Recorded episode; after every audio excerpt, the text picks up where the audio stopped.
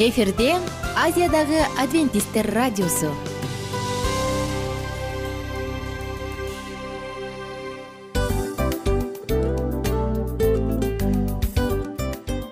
Достор салют. Баардык сүйүктүү угармандарыбызга салам айтабыз. Кутман күнүңүздөр менен.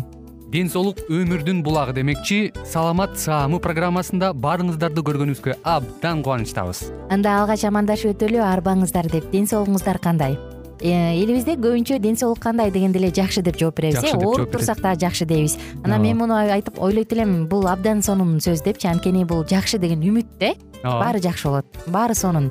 Деп үмүттөнүп атып эле өзүбүздү өзүбүз дарылап коебуз.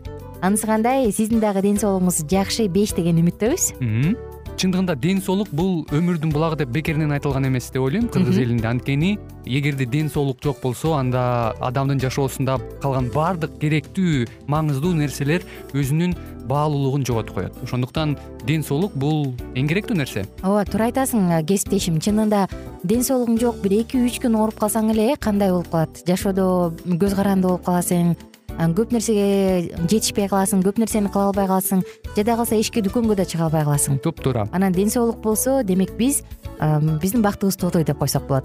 Анда достор саламат саамы рубрикабызды баштайлы. Алдыда өзүңүзгө керектүү болгон сонун кеңештерди уга аласыздар. Мына ошондуктан биз менен бирге болуңуздар. Ал эми биз болсо милан жана айнура. Кеттик алга. Алга саламат саама ден соолуктун жарчысы. Саламат саама ден соолуктун ачкычы. Күн сайын сиз үчүн мыкты кеңештер сонун жаңылыктар кызыктуу фактылар. Биздин рубрикада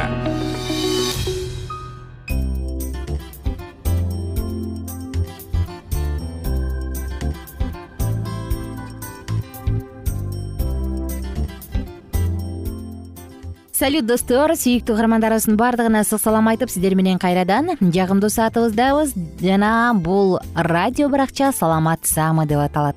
Бүгүн сиздер менен бирге терини тазалоо программасы жөнүндө сөз кылганы турабыз. Тери албетте адамдын териси денесиндеги баардык терини алганда анын көлөмү болгону эки квадрат метр. Дал ушул эки квадрат метр бул орточо аянты эки квадрат метр бизге бир гана сырткы чөрүдөн коргоо үчүн берилген эмес. Анын дагы бир башка функциясы бар. Бул уулуу заттарды отходторду деп коет эмеспизби таштандыларды сыртка чыгаруу. Эгерде биздин организм ичинен эле ууга толгон болсо токсиндерге толгон болсо демек терибиз анча жакшы көрүнбөйт. Демек сөзсүз түрдө теринин кооздугу теринин сулуулугу жоголот дагы бул көйгөй ички органдардан улам чыгат бул учурда бизге терибизге канчалык кымбат кремдерди канча кымбат нерселерди сүйкөбөйлү анын эч пайдасы жок болот. Ал эми достор бул терини тазалоо программасы болсо детоксикациядан башталат. Биз мурунку уктурууларда сөз кылганбыз. Детоксикация жөнүндө мына ошол учурда организм ичинен тазаланат дагы тери кожа өзүнөн өзү эле сулуу боло баштайт. Ал эми жөнөкөй эле тамеки чегүү дал ушул теринин эрте картаюусунун эң башкы себеби кайсы учурда биз э, бул программаны колдонушубуз керек? Кандай көрсөткүчтөр бар? Теринин картаюусунда жана тери өтө кургак болгон кезде. Бул эки учурда биз албетте сөзсүз түрдө терини тазалоого тийишпиз. Терини тазалоо жөнүндө биз бет жөнүндө бир аз айта кетели айымдар үчүн бул абдан маанилүү э. Өзгөчө айымдар баягы бетке кам көрүү маселесине келгенде көптөгөн каталарды кетирип алат эмеспизби. Мындай болбош үчүн ушул жөнүндө бир аз сөз кылалы беттин териси бул табият өмүрүбүздүн акырына чейин берген белек. Ал кайра башкасын алып тагып албайбыз э бул бир гана пластикалык операция. Эскирген терини чечип салып жаңысын сатып алууга дагы болбойт. Бир гана бетке туура кам көрүү менен анын сулуулугун сактап калуу мүмкүн. Бетке анда кандай кам көрүш керек? Бул уктуруубузда биз алдыда бир аз сөз кылабыз. Анан албетте баардык косметикалык каражаттар индивидуалдык түрдө гана тандалышы керек. Анткени ар бир адамдын териси ар башка. Бетке кам көрүүдө. Биринчи бетти тазалаш керек. Анан терини сергитиш керек. Терини нымдаш керек. Крем сүйкөө бет май. Жана булар албетте эң негизги эреже. Эми бетке туура кам көрүү жөнүндө сөз кылсак экинчи эреже булар. Биринчиси регулярдык же ар дайымдык бетке күн сайын эртең менен жана кечинде кам көрүү ал болгону үч мүнөттүк убакыт алат жана тиш жуугандай эле адат болуп калышы зарыл. Экинчиден косметикалык каражаттардын бетке туура колдонуу техникасы. Баардык косметикалык каражаттарды беттин массаждык линиялары аркылуу сыйпоо. Бул теринин эң аз чоюлуучу линиялары антпесе күн сайын бетиңерди чоюп жатып брыштардын эрте пайда болуусуна шарт түзүп коесуз косметикалык каражаттарды манжалардын жаздыкчалары менен сүйкөш керек. Беттин терисин чойбой катуу баспай эгер крем өтө коюу болсо же беттин териси өтө жука болсо мисалы көздүн айланасы кремди жеңил баскылоо менен сүйкөө керек. Беттин негизги массаждык линияларын эстеп калуу оор эмес дээрлик баардык линиялар беттин ортосунан четине кетет. Бир гана көздүн алдындагы аймак гана тескерисинче көздүн тышкы бурчунан ички бурчуну көздөй келет моюндун маңдайкы жагына косметиканы ылдыйдан өйдө карай сүйкөш керек. Капталдарына тескерисинче өйдөдөн ылдый карай. Ылдыйдан өйдө карай анан өйдөдөн ылдый карай. Ооба моюндун терисинен дагы беттикиндей эле кам көрүү туура анткени моюндагы тери жука начар азыктанат ошого байланыштуу чоюл жагын жоготуп бетке караганда тез брыштарга кабылат бетке кантип кам көрөбүз? Косметиканы массаждык линиялар менен сүйкөө негизинен мурда брыштарга кабылуудан сактайт. Бул эки эреже биздин косметикабыздын маркасынан баасынан дагы маанилүү. Караңызчы канчалык кымбат болбосун бирок туура эмес сүйкөсөк анда андан эч кандай пайда жок. Эми кошумча кеңештер жөнүндө бир аз айтсак биринчиси терини тазалоо. Беттин терисин эртең менен жана кечинде тазалоо керек. Эртең түн ичинде топтолгон клеткалардын калдыктарынын арылышы үчүн эртең мененкисин. Антпесе зыяндуу нерселерди сүйкөгөн крем менен кайра териге сиңет кечинде болсо күндүзгү чогулган кирден жана косметикадан тазалоо экинчиси терини сергитүү. Сергитүү беттеги макияждан тазалоочу каражаттардын иш аракетин жок кылып жуугандан кийин теринин ph деңгээлин нормалдап нымдоочу кремди сүйкөөгө даярдайт. Ошондуктан бетти тоник менен таңда жана кечинде сүртүү жакшы. Кебез дискти тоникке жакшылап нымдап алыш керек. Бул техникасы массаждык линиялар менен акырындан сүрткүлө. Эгер тоник спрей түрүндө болсо бетке жана моюнга жакшылап сээп кебез диск менен сүртүү зарыл үчүнчүсү терини нымдоо. Бул процесс дагы таңда жана кечинде жүргүзүлөт анткени нымдоолуктун жетишсиздиги терини кургап кетүүсүнө алып келип натыйжада теринин чоюлчаактыгы ийкемдүүлүгү жоголуп брыштардын пайда болуусуна алып келет. Мына достор бул көрсөткүчтөрдү колдонуу менен албетте биз өзүбүздүн сулуулугубузга кам көрөбүз. Кремди эми бетке кантип сүйкөш керек? Кара кетпейлибы элдер менен көп иштеп жүрүп кремди колдун тышкы бетине сыгып алып андан соң аны кардардын бетине сүйкөгөнгө көптөр көнүп калат э. Ушундай эле ыкма менен биз өзүбүздүн бетибизге дагы крем сүйкөсөк болот.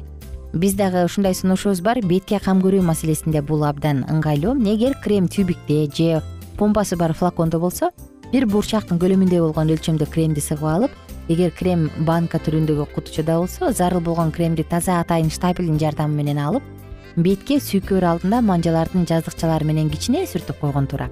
Бул анын температурасын дене температурасы менен теңдеп кремдин активдүүлүгүн жогорулатат. Андан соң чоң эмес өлчөмдө кремди бетке жана моюнга сүйкөп массаж линиясы менен таратыш керек.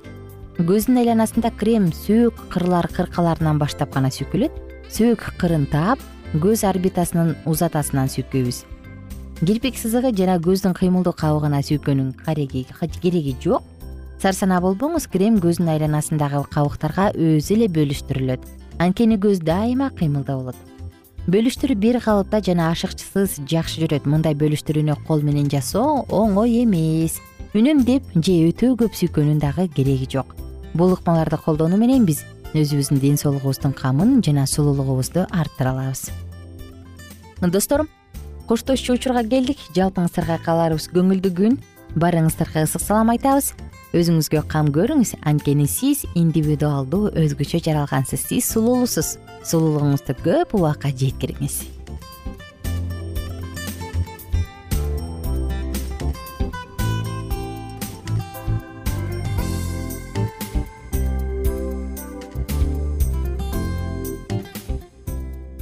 Кененирээк маалыматтар үчүн үч w чекит саламат чекит клуб сайтына келип таанышыңыздар жана андан тышкары социалдык тармактарда youtube facebook жана instagram баракчаларына катталыңыз.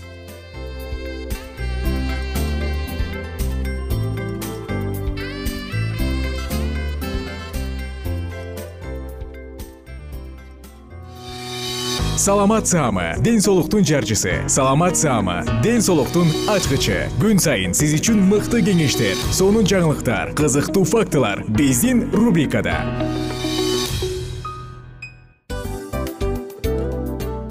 салам достор. Кайрадан биздин сүйүктүү рубрикабызга кош келиңиздер деп айтмакчыбыз.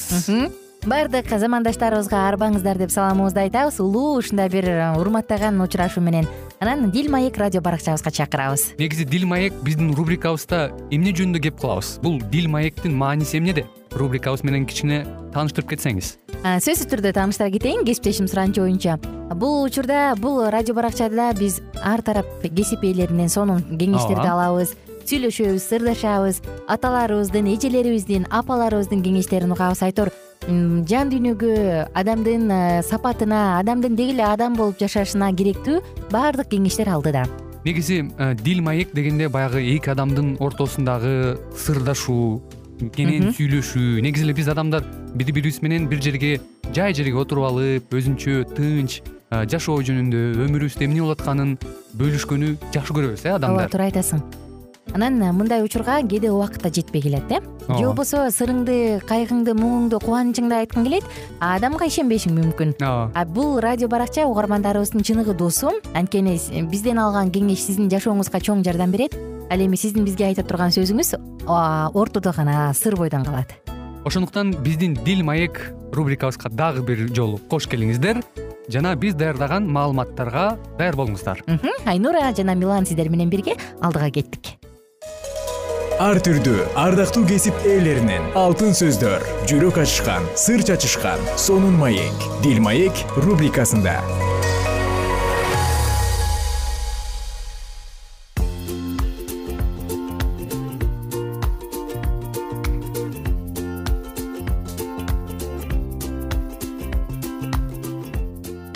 салам достор. Баардык сүйүктүү угармандарыбызга ысык салам айтып сиздер менен бирге кайрадан жагымдуу саатыбызды баштадык. Бул дил маек радио баракчасы жана дил маек радио баракчасынын алкагында руханий мурас жашыя деп аталган китепти баштаганбыз. Циклды андан ары улантабыз биз менен бирге болуңуздар. Жусуптун урпактары чогулуп келип жашияга эмне үчүн сиз бир эле жолу өкчөмө таш таштап бизге бир эле үлүш жер берип койдуңуз жараткан эге бизди жалгап уруубуздун эли абдан көбөйүп кеткен деп айтышты жашия аларга эгерде элиңер көп болуп эпрайымдын жери тардык кылып жатса периздер менен репалар жашаган токойлорго баргыла да аны кыйып тазалап жер кылып алгыла деп жооп берди. Ошондо жусуптун урпактары ооба тоолуу аймак бизге тардык кылат бирок төмөнкү капчыгайдагы бейт шаанда ага караштуу жерлерде жана израиль капчыгайында жашаган канаандыктардын баарынын темир аскер арабалары бар деп айтышты. Ошондо жашия жусуптун урпактары эпрайым менен манаш урууларына мындай деди. Силер көп сандуу күчтүү элсиңер. Силерге бир өкчөмө таш чындап эле аздык кылат. Бул тоолор да токойлор да башынан аягына чейин силердики болот. Токойлорду толук кыйып тазалап алгыла. Канаандыктардын арабалары темирден болсо да өздөрү күчтүү болсо да баары бир аларды кубалап чыгуу колуңардан келет. Ысрайыл эли ал жерлерди толук басып алгандан кийин шила шаарына чогулуп келип жыйын чатырын тикти. Бирок ысрайыл элинин ичинен өз энчисин ала элек жети уруу бар эле. Ошондуктан жашия ысрайыл элине. Ата бабаңардын кудайы жараткан эге силерге берген жерге ээ боло албай. Качанга чейин шалаа кылып кылып жүрө бересиңер деди ар бир уруудан үчтөн кишини тандап мага жибергиле. Мен аларды барып жерди кыдырып аны энчиге кантип бөлүштүрүү керектигин байкап сүрөттөп чийип келиш үчүн жөнөтөм. Түштүктөгү жөөт уруусунун жеринен жана түндүктөгү жусуп урпактарынын жеринен сырткары калган бүт жерди жетиге бөлүшсүн. Силер жети бөлүккө бөлгөн жердин чиймесин бул жерге мага алып келгиле. Мен болсо ушул жерде кудайыбыз жараткан эгенин алдында силер үчүн өкчөмө таш таштаймын ал эми лебилер үчүн силердин араңардан үлүш жер берилбейт. Анткени жараткан эгеге дин кызматчы болуу аларга тийгенинчи гат рубейин уулдары жана манаш уруусунун жарымы жараткан эгенин кулу муса бөлүштүргөн өз энчилерин иордандын чыгыш тарабынан буга чейин эле алышкан. Тандалган адамдар жердин чиймесин чийип келүү үчүн ал жерден жөнөп кетерде жашия аларга барып ал жерде кыдырып чиймесин чийип келгиле деп дайындады. Силер кайтып келгенде мен шилада жараткан эгенин алдында силер үчүн өкчөмө таш таштаймын. Ошентип жер чалуучулар жолго аттанып жөнөп кетишти. Алар жерди тирөө кыдырып чыгып аны жети бөлүккө бөлүштү. Бул жерди сүрөттөп чийип шаарларын тизмеге алышты анан шила шаарында жайгашкан конуштагы жашияга кайтып келишти. Ошондо жашия шилада жараткан эгенин алдында өкчөмө таш ыргытып ысрайыл элине уруулары боюнча жер энчилерин бөлүштүрүп берди. Биринчи өкчөмө таш бенжамин уруусуна ташталып алар уруктары боюнча өз энчисин алды. Аларга жер жөөт жана жусуп урпактарынын элчилеринин арасынан тийди. Бенжаминдин түндүк чек арасы иордандан башталат. Анан ерихон кырынын түндүк жак капталынан өтүп барып батышты карай тоо таяп көтөрүлүп анан бейт абендин жанындагы чөлгө түшүп барат. Ал жерден чек ара лузга башкача айтканда бейтел шаарына бурулуп луздун чыгышындагы кырларды жандай өтөт. Андан ары аторот адар шаарына жетип ал жерден төмөнкү бейт херон шаарынын түштүгүндөгү тоого чейин барат. Анан чек ара бейт хорондун алдындагы тоонун батыш тарабынан айланып түштүккө өтөт. Андан ары жүрүп олтуруп жөөт уруусунун шаары болгон кирият баалдан башкача айтканда кирият жеаримден өтөт. Бул чек аранын батыш тарабы. Түштүк чек ара кирият жеаримдин четинен башталып батышты көздөй нептах булактарына чейин барат. Анан чек ара репа капчыгайынын түндүгүндөгү ином уулдарынын өрөөнүнүн каршысындагы тоо этектерине түшөт.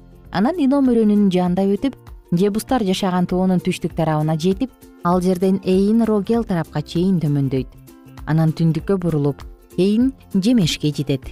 Андан ары адоним дөңсөөсүнүн маңдайындагы гелилотко жетет дагы андан ары боондун ташы деп аталган жерге чейин түшүп барат. Боон рубейиндин уулу болгон.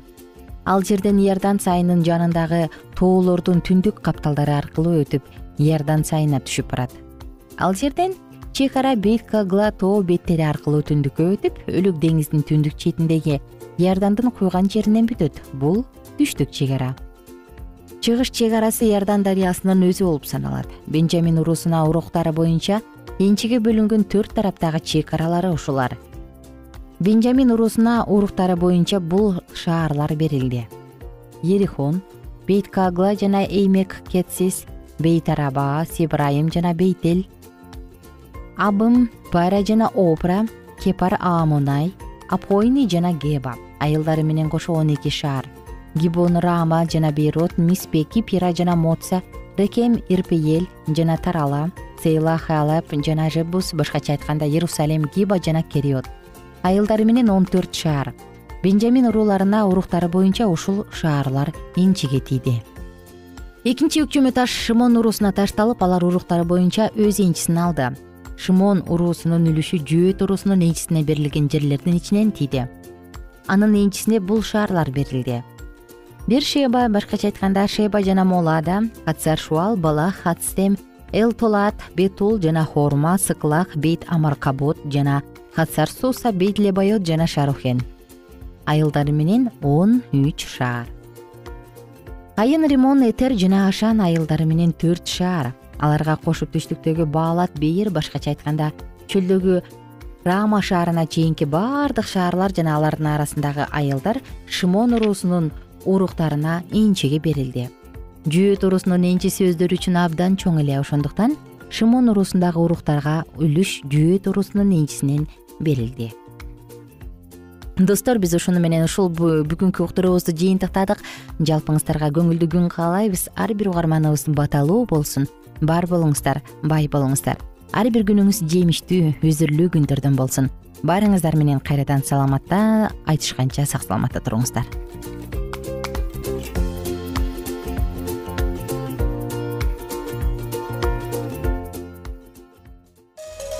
Ар түрдүү ардактуу кесип ээлеринен алтын сөздөр жүрөк ачышкан сыр чачышкан сонун маек. Бил маек рубрикасында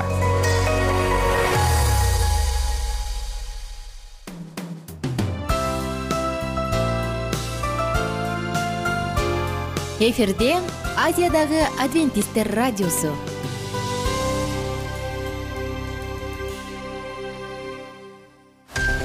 Жан дүйнөңдү байыткан жүрөгүңдү азыктанткан жашооңо маңыз тартуулаган жан азык рубрикасы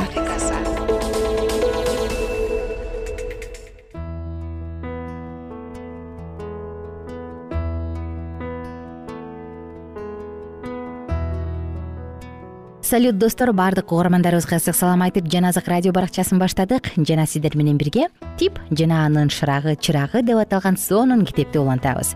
Мурунку уктурууда тентек балдарга жоош тартынчаак кыз келип сонун аңгеме айтып бере баштаган. Ушул аңгемени баштайлы дагы андан ары уланталык. Ким ушул жерде төрөлсө кен казган жерди көп эле көргөн болуш керек. Ошондой эле кен казган адам көзгө сайса көрүнгүс караңгылыкта ориентир алыш үчүн бирден күрөк алышы керек экенин да билсеңер керек. Менин атам да кен казчу. Ал ар күнү эртең менен башка шахтерлор менен чогуу жердин алдына түшчү жердин алдында ар бир адам өзүнүн чырагын көздүн карегиндей сакташы керек. Жапыс штолняда чалкаңдан жатып алып иштеп жатканда болгон үмүтүң ошол үлпүлдөгөн жарыкта боло турганы жөнүндө атам мага көп айтчу ошентип жайдын аптаптуу күндөрүнүн биринде аба үп болуп батыш жактан кара булут каптай баштайт. Жердин астына түшөрдүн алдында адаттагыдай шахтерлордун баары сыйынуу үчүн чогулушат. Нөшөрлөгөн катуу жамгыр башталат. Үстүдө аба ырайы кандай болбосун алар түшкөн шахтада жымжырттык өкүм сүрүп турат. Бири бирине ийгилик каалаган жумушчулар ишке киришишет алар ар тарапка бөлүнүшүп ар ким өзүнө бөлүнгөн жерде иштей башташат. Жазы корларына байланган чырактар аларга жарык берип турат. Бир маалда атам бир катуу гүр деген үндү угат. Көрсө штольнянын сыртына капталган жыгач кулап түшүптүр шахтерлор ызы чуу түшүп кыйкыра башташат ошондо атам катуу кыйкырып чырактарыңарды сактагыла биз кайда экенибизди билүүгө жарык гана жардам бере алат дейт шахтерлор дүрбөлөңгө түшө баштайт. Баары тең сыртка чыгуунун аргасын кылышат бирок сыртка чыга турган жол жабылып калган экен.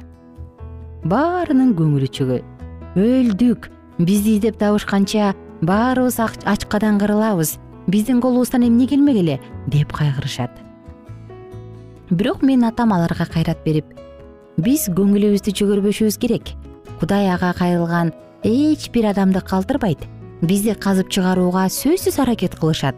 Биз болгон тамак ашыбызды жана чырактарыбыздагы майды үнөмдөйлү ошондуктан баарыңар өчүргүлө бир эле чырак калсын дейт. Буга баары макул болушту. Бир сындырым нан да баарына тегиз бөлүнүп бир эле чырак жарык берип турду. Сааттар алмашып убакыт абдан жай жылып жатты. Алар жерге тирүүлөй көмүлүп калгандан бери алардын эсеби боюнча төрт күн өткөн. Нандын акыркы сындырымы желип бүтүп акыркы ууртам суу да ичилди. Чарчаган үмүттөрү үзүлгөн адамдар акыркы чыракты тегеректеп кызарган көздөрү менен мына мына өчөйүн деп калган жарыкты тиктеп мелтиреп отурушкан. Чыракта майдын акыркы тамчылары күйүп жаткан эле. Кайрадан биз эмне эле курула үмүт менен өзүбүздү алдап жатабыз баары бир өлөбүз да деп нааразы болгон үндөр угула баштады. Бирок атам каршы болуп биз үмүтүбүздү үзбөшүбүз керек могул чырактын жарыгын көрүп жатасыңарбы? Ушул караңгылыкта бизге жарык берген сыяктуу кудай теңир да өзүнүн сөзү аркылуу биздин жүрөгүбүздү жарык кылат. Эч нерсе жарык бербей калган күндө да анын сөзү биздин бутубузга төгүлгөн жарык ал мага кайрыл ошондо мен сага жооп берем деген. Анын ушул убадасы бүгүнкү күндө бизди шыктандырат келгиле сыйыналы дейт. Сыйынуудан соң жымжырттык өкүм сүрүп турду. Көп өтпөй акыркы жарык да өчтү. Кээ бири ыйлай башташат. Алардын үмүттөрү үзүлүп калган эле. Бир маада атам алыс жактан чыккандай болгон мылтыктын атылган үнүнүн жарыгын угуп калат. Кээде түшүңдө ушундай болот эмеспи. Бир аз убакыттан кийин баягы үн кайрадан кайталанып жакыныраак жерден даанараак угулуп эми аны баардыгы угушат. Чарчаган кишилер кайрадан жандана түшөт. Куткарганы келген кишилер аларды тезирээк табыш үчүн шахтерлор маал маалы менен баары чогуу кыйкыра башташат. Аларды карай жол салып келе жаткандардын добушы улам жакындап келе жатты. Мына акыры шахтерлор камалып калган жер дагы ачылып чырак күндөй жаркырады кубанычтары койдуна батпаган шахтерлор арыктап кеткен алсыз колдорун сунушту. Алар аман калышты. Аңгеме аяктады. Перинин купкуу болгон жүзү албырып кеткен. Ал уялбай да калган эле. Балдар анын аңгемесин көздөрүн жылтылдата кунт коюп угушту. Кыз унчукпай калганда тип бул чындыкпы пережи деп сурады. Албетте атамага бул окуяны бир нече жолу айтып берген. Алар сыйынган үчүн аман калыштыбы ооба сыйынганы үчүн. Анткени кудай бизге сурасаңар жардам берем деп убада берген. Тип ордунан туруп алдыга жүткүндү. Библиядагы чырак жөнүндө жазылган нерсе дагы чындыкпы? Ал чырак бул жөнүндө бир жолу да сурабаган адамдарга дагы жарык чачабы? Ооба тип ал жердин түбүндөгү чырактын жарыгындай. Ал жарык болбосо жашоо мүмкүн эмес.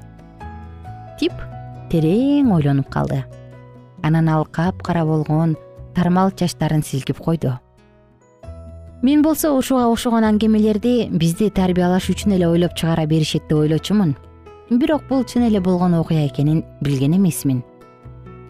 Ал бул тууралуу катуу ойлонуп калгандыктан башка балдардын ызы чуусуна кошулбай мектептен ойлуу чыкты. Пери болсо балдарды узата карап булардын жүрөгүнө үрөөн себилди бекен ал өсүп чыгабы же өлүп калабы деп ойлонуп калды. Дүйшөмбү күнү эртең менен тип леви көзүн жаңы ачканда күн кыйла көтөрүлүп калган эле. Баарынан тажадым деди ал чоюлуп керилип жатып. Эртең менен туруш керек болгон соң кечинде төшөккө жатып эмне дейм да? Достор биз бүгүнкү уктуруубузду типтин ушул ою менен бүтүрөлү кийинки уктурууда андан ары сонун аңгемебизди улантабыз. Ошондуктан биз менен бирге болуңуздар. Күнүңүздөр көңүлдүү улансын. Бар болуңуздар достор кайрадан амандашканча.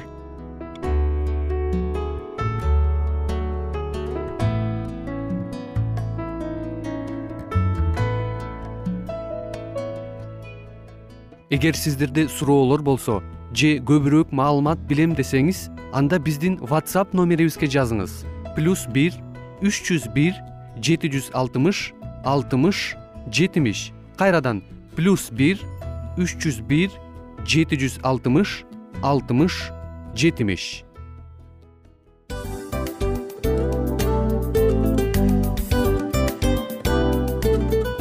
Мына ушинтип убакыт дагы тез өтүп кетет экен. Биз дагы радио уктуруубуздун аягына келип жеттик келип кубандырдыңар эми кетип кубандыргыла деп тамашалап калышат эмеспи? Анысы кандай? Радио баракчабызды программабызды азыр эле баштап аткандай болдук элек. Мына соңуна келдик э? Негизи убакыт э, билинбей өтүп кетет экен? Мен дагы убакыт дегенде бүгүн бир адам менен сүйлөшүп калдым. Анан убакыт бул мүмкүнчүлүк деп айтып өзүмө өзүм айтып алып анан мага өзүмө эле кайра ачылыш болду да чын эле э карап отурсаң ошол эле жыйырма төрт саат ошол эле жарым саат кайталанып атат бирок сендеги мүмкүнчүлүк жок ошол кой берилип кетти? Анысы кандай? Бүгүнкү сонун убактыңызды алтындай болгон жарым саатыңызды бизге бөлүп арнаганыңыз үчүн ыраазычылык айтабыз. Анан жашооңуздун кайсы бир сферасын өзгөртө турган сонун пайдалуу кеңеш алган болсоңуз анда биз максатыбызга жеттик. Анан ушул нерсени кылбасам десеңиз ошол өзгөрүүлөрдү кичинекей кадамдардан баштап иш жүзүнө ашырыңыз дагы жашооңузда чоң чоң ийгиликтерге жетиңиздер чын жүрөктөн ар бир берилген кеңештер сөздөр сиздерге пайдасын алып келет деп ишенебиз. Жана кийинки уктурууларда сөзсүз түрдө чыдамсыздык менен сиздерди күтөбүз. Сагынычтуу салам айтып кайрадан дал ушул жыштыктан баардыгыңыздарды тосуп алганча. Кызматта мен айнура жана кесиптешим милан анда кол пул каалайбыз жалпыңыздарга ийгиликтүү күн. Саламатта калыңыздар